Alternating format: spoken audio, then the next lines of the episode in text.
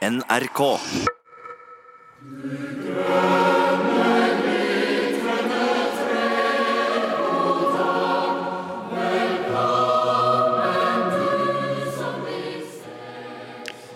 Og Dermed skal stemningen være satt for det vi skal eh, snakke om nå, lille julaften. Det er mange som bruker denne dagen til å pynte juletreet, og noen har tradisjoner for å bruke den samme pynten år etter år, mens andre er mer opptatt av eh, tidens trender og design og hvordan det skal se ut eh, akkurat i år. Julekonservator Geir Thomas Risaasen ved Norsk eh, Folkemuseum, god morgen. God morgen. Tradisjonen med å ta en tre i huset, det er jo en gammel tradisjon, flere hundre år gammel. Fra Tyskland, når ble det vanlig i Norge? I Norge så er det 1822 at det første juletreet omtales. Og det er her i Oslo, altså Kristiania som det het. Og det var frøken Weinschenk som da pyntet treet. Altså, Som kanskje var tysk. Som kanskje var tysk, nemlig. Og hun pynter da slik som det var vanlig i Tyskland på 1700-tallet. Eh, Levende lys, eh, kaker, ting du kunne spise, og enkelte gaver til barna, som også hang på tre. Ja, Ikke under treet på det tidspunktet? Nei, det var eh, det som kunne henges på treet, det hengte man på treet. Men så tar det jo tid før den nye tradisjonen etableres. Og holder oss til Oslo og byens beste vestkant, så skal du helt fram til 1870 før man begynner gradvis å ta inn juletreet. Mm. Og jeg ser at du har tatt med deg litt, eh, jeg kan kalle det krimskrams, kanskje? det har jeg. Men først, eh, altså, selv om det begynner i 1870, så er det først i 1930 at juletreet har erobret det ganske land. Så det tar jo tid. Ja. Men eh, hvis du ser på de første tradisjonene, så var det å pynte med papirblomster veldig vanlig, altså på 1870- og 80-tallet. Og Ukebladet hadde jo mønstertegninger. Dette, her er liljer som diakonissene her i Oslo pynter med en dag i dag. Har gjort det siden 1880. Og juletrekurven Og, og når du sier dette her, så er jo det da for er da- folk som ser på TV, så er det innlysende hva du snakker om. Men Ja. for radio så, så er det vi en, fortelle litt. så er det en, en det er en knippe med tre eh, liljer eh, laget i hvitt papir med gule støvdragere. Og det er klart, lilja det er jo jomfru Marias blomst, så det gir også tre et kristent innhold. Jeg, jeg kjenner ikke liljene, men jeg kjenner igjen den du har i Men andre så hånden. har jeg også med meg en flettet juletrekurv. Ja. Det som danskene kaller julehjerter. Det kommer også for fullt da på 1860-70-tallet. Og i Danmark, Danmark hadde jo en krig med Tyskland da Tyskland erobret Slesvig og Holstein. Og da ble det veldig inn i danske hjem å vise nasjonale sinnelag å pynte treet med flettede kurver i rødt og hvitt. Ja, Da kunne du for så vidt tatt med norske flagg også, da. Det kunne vi. vi har jo det og samme. det er det, så du kan si at kurver og flagg det er veldig nordisk når det gjelder pynting av tre. Ja, det vil jeg tro. Og så uh, blir det etter hvert øh, at man begynner å kjøpe mer og mer pynt. Og her har jeg et overflødighetshorn fra 1880-åra. Det er da i metallglitter. Og det glitteret her er faktisk i bly. altså Senere så blir det aluminium. Men tyskere blir fort øh, Det er jo en tysk tradisjon, og de er jo raskt på markedet med å levere juletepynt for eksport. Og hvis du hopper fram til 1920-tallet Dette her er jo slik som vil røre enhver Guds hjerte. For her er det da Jo, enhver gutt vil bli glad for det. Her er det da en eh, Det er jo tenkt som en slags kule, men det er en liten sykkel i eh, små sølvperler. Og hvis du vil ha enda mer avansert, her har vi et lite fly til å henge på juletreet. Også fra 1920-tallet. Og det som er moro med fly, er at på 20-tallet så, så var det jo det vi kalte dobbeltdekkere. Og det er det her. Selvfølgelig. Men juletrepynten har jo generelt vært ganske rimelig her til lands til etter annen verdenskrig. Og her har vi en typisk eh, liten nisse i kreppapir. Ja, hvit. Hvit nisse i kreppapir. Ingen dyr pynt. Hjemmelaget. Altså, altså det er hjemmeindustri, men sjarmerende nok. Men nissen har jo heller ikke tatt ordentlig form, så den er faktisk kledd i hvitt. Ja. Og et tilsvarende et nissehode her i pappmasjé. Også det er en billig type pynt.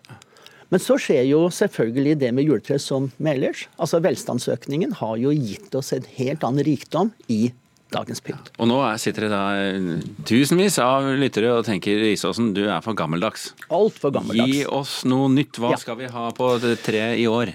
Eh, det er jo alltid trender når det gjelder farger på kuler og slike ting. Men som du var inne på, vi har jo to viktige tradisjoner. Det er det som på en måte vi kan kalle designtreet, hvor du følger det som er inn her og nå.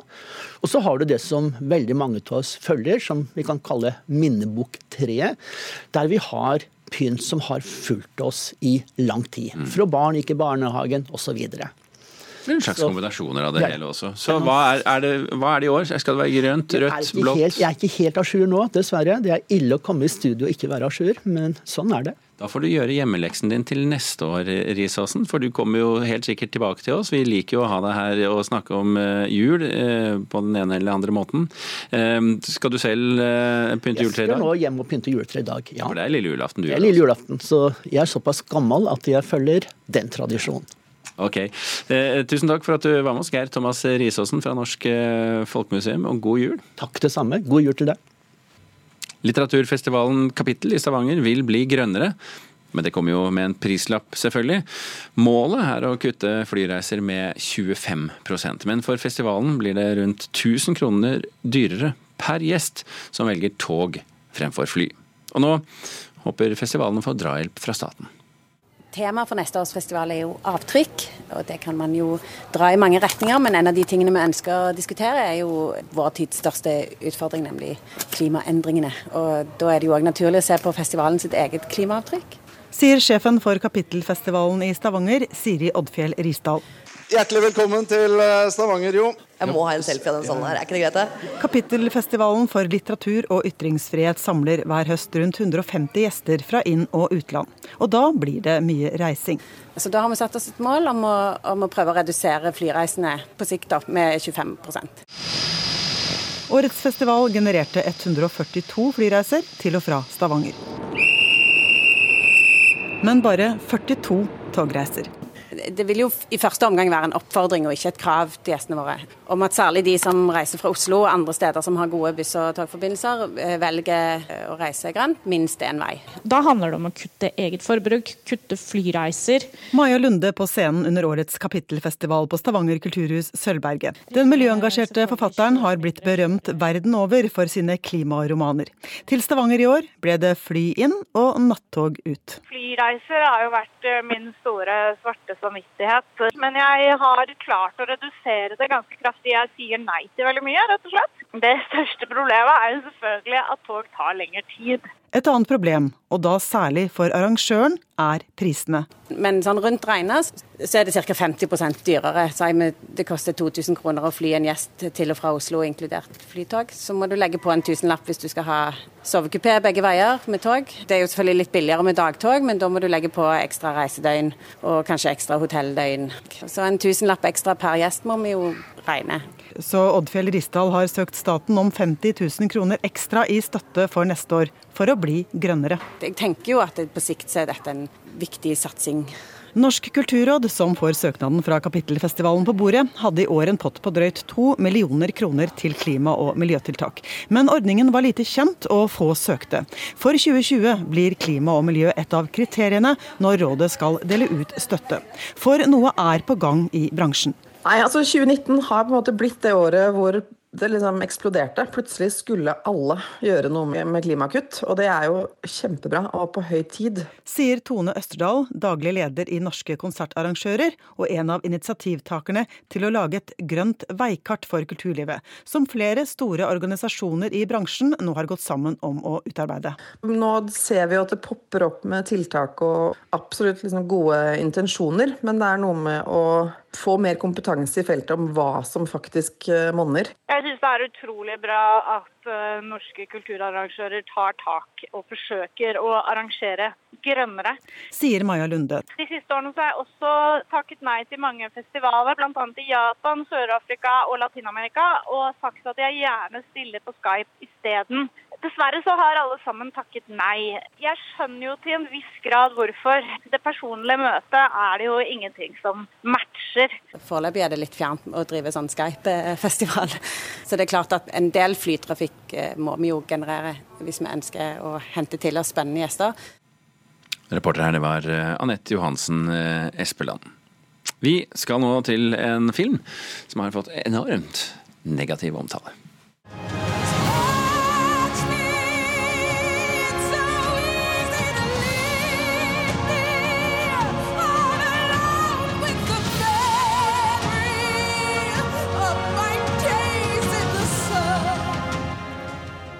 Første juledag har filmatiseringen av Andrew Lloyd Webbers musikal 'Cats' premiere på norske kinoer, og nå har selskapet bak filmen, Universal, endret hvordan filmen ser ut, rett og slett, rett før premieren. Reporter Christian Ingebretsen, hvorfor det?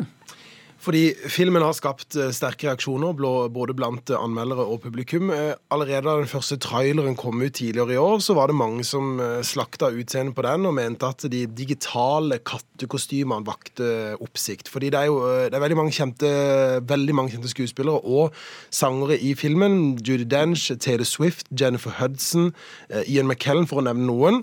Og de har da prøvd å gjøre de liksom katteaktige ved å bruke liksom digitale effekter på ansiktene sine. og det Eh, faller ikke i veldig god jord. Og mange kommenterte traileren på sosiale medier og beskrev disse kattekostymene som stygge og til og med litt skumle. Eh, men dette er jo da en film som har da kosta 100 millioner dollar å lage. Det er mye som står på spill for produksjonsselskapet Universal. Så de endra da traileren for å få flere til å bli interessert i denne filmen. da. Mm, nå har jo denne filmen hatt premiere i USA, eh, og den får jo premiere her som sagt første juledag. Anmelderne, hva sier de? Den blir eh, slakta, som du nevnte, i både utenlandske og norske medier. Igjen mye pga. disse digitale kattekostymene. The New York Times skriver at filmen er så dårlig at den kan brukes til å skrive en doktorgrad om hvordan man ikke skal lage en film. Eh, Dagbladets anmelder her i Norge kaller filmen et mareritt av pelskledde pupper. Hva har filmselskapet gjort da? Ja, altså Allerede på uh, filmens premiere i USA så har da Universal varsla at de nok en gang skal prøve å endre disse katteffektene i ansiktene. Uh, de har da jobba på spreng for å få ferdig en ny versjon av filmen som har gjort endringer på disse kattekostymene. Det er jo veldig uvanlig at man gjør uh, endringer på en film etter etter den har hatt premiere. Så de er sikkert glad for digitalisering av kinoene osv. Ja, men en film som har uh, eh, kosta 100 millioner dollar, så er det vel kanskje på sin plass å, eh, å prøve å redde stumpene? Ja, så vi får se når filmen har da premiere i Norge om et uh, par dager, og hvordan den da blir tatt imot her. Det er i hvert fall en veldig populær musikal, så det kan hende at det kommer noen publikummere bare pga. det. Vi får se. Vi får se. Og Ian McKellen som katt. Hvorfor ikke?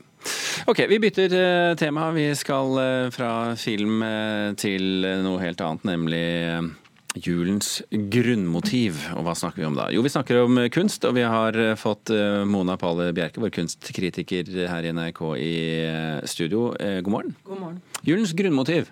Hva er det? Det er eh, Maria med barnet. Ja. Madonna-fremstillingen. Og selv om jeg er en agnostiker, altså en som verken sier nei eller ja til det hinsidige, men tviler, ja. så er jeg veldig lei meg for at vi liksom ser ut til å ha tapt julens innhold av syne. At julen liksom er bare forvandlet til en sånn grotesk kjøpefest og et etegilde.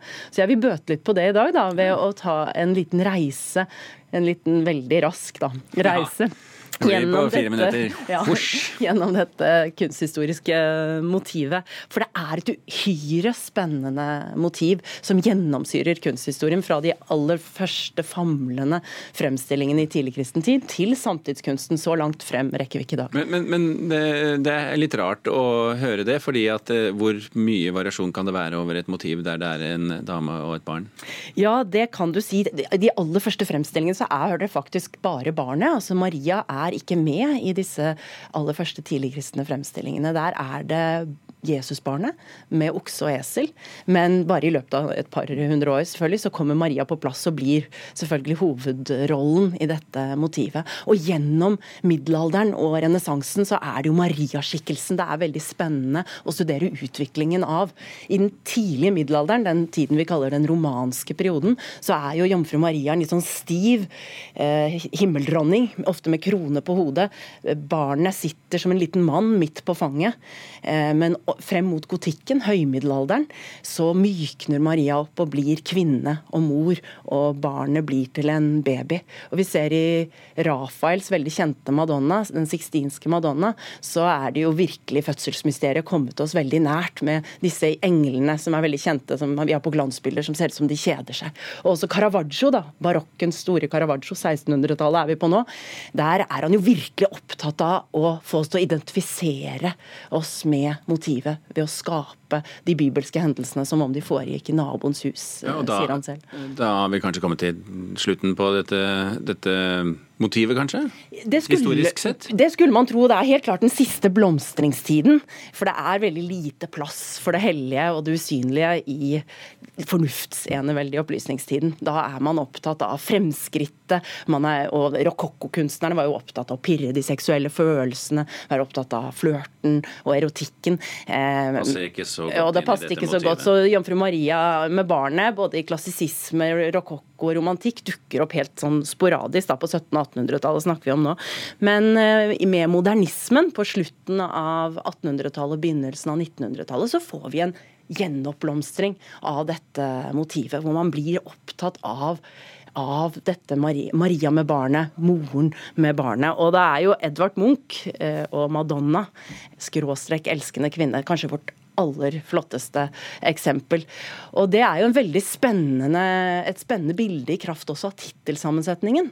Det er Madonna, den, den himmelske kvinnen, jomfruen, og, og den elskende kvinne i unnfangelsesøyeblikket, i orgasmen.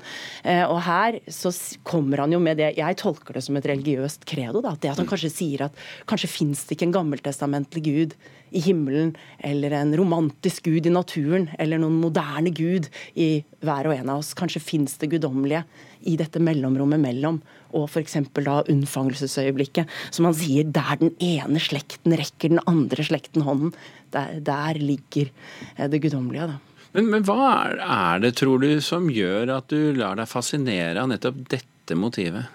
Jeg tror det handler om at det, i tillegg til å handle om en sånn så viktig hendelse i eh, vår kulturhistorie, nemlig Kristi fødsel, så handler det også om det evige hverdagsmirakel. At vi selv kan føre livet videre. At vi kan prege våre ansiktstrekk og våre personlighetsdrag inn i fremtiden gjennom etterkommere. Eh, og at det på en måte Det er jo et sånt et utrolig mysterium hvordan eh, dette er. Og det er jo nettopp derfor at vi identifiserer oss med dette motivet. Fordi det er denne, dette evighetsperspektivet, denne drømmen om å overkomme døden, på en måte. da. Men det er noe stort og samtidig Ja. helt eh, Og som Munch også sier, vi skulle forstå det hellige, det mektige ved det. Og vi skulle ta hatten av oss, som i en kirke. Ok. Eh, Mona Palli Bjerke, takk for, eh, for denne gjennomgangen og orienteringen om eh, Madonna-motivet, gjennomgående i kunsthistorien. Selv takk, og god jul. God jul.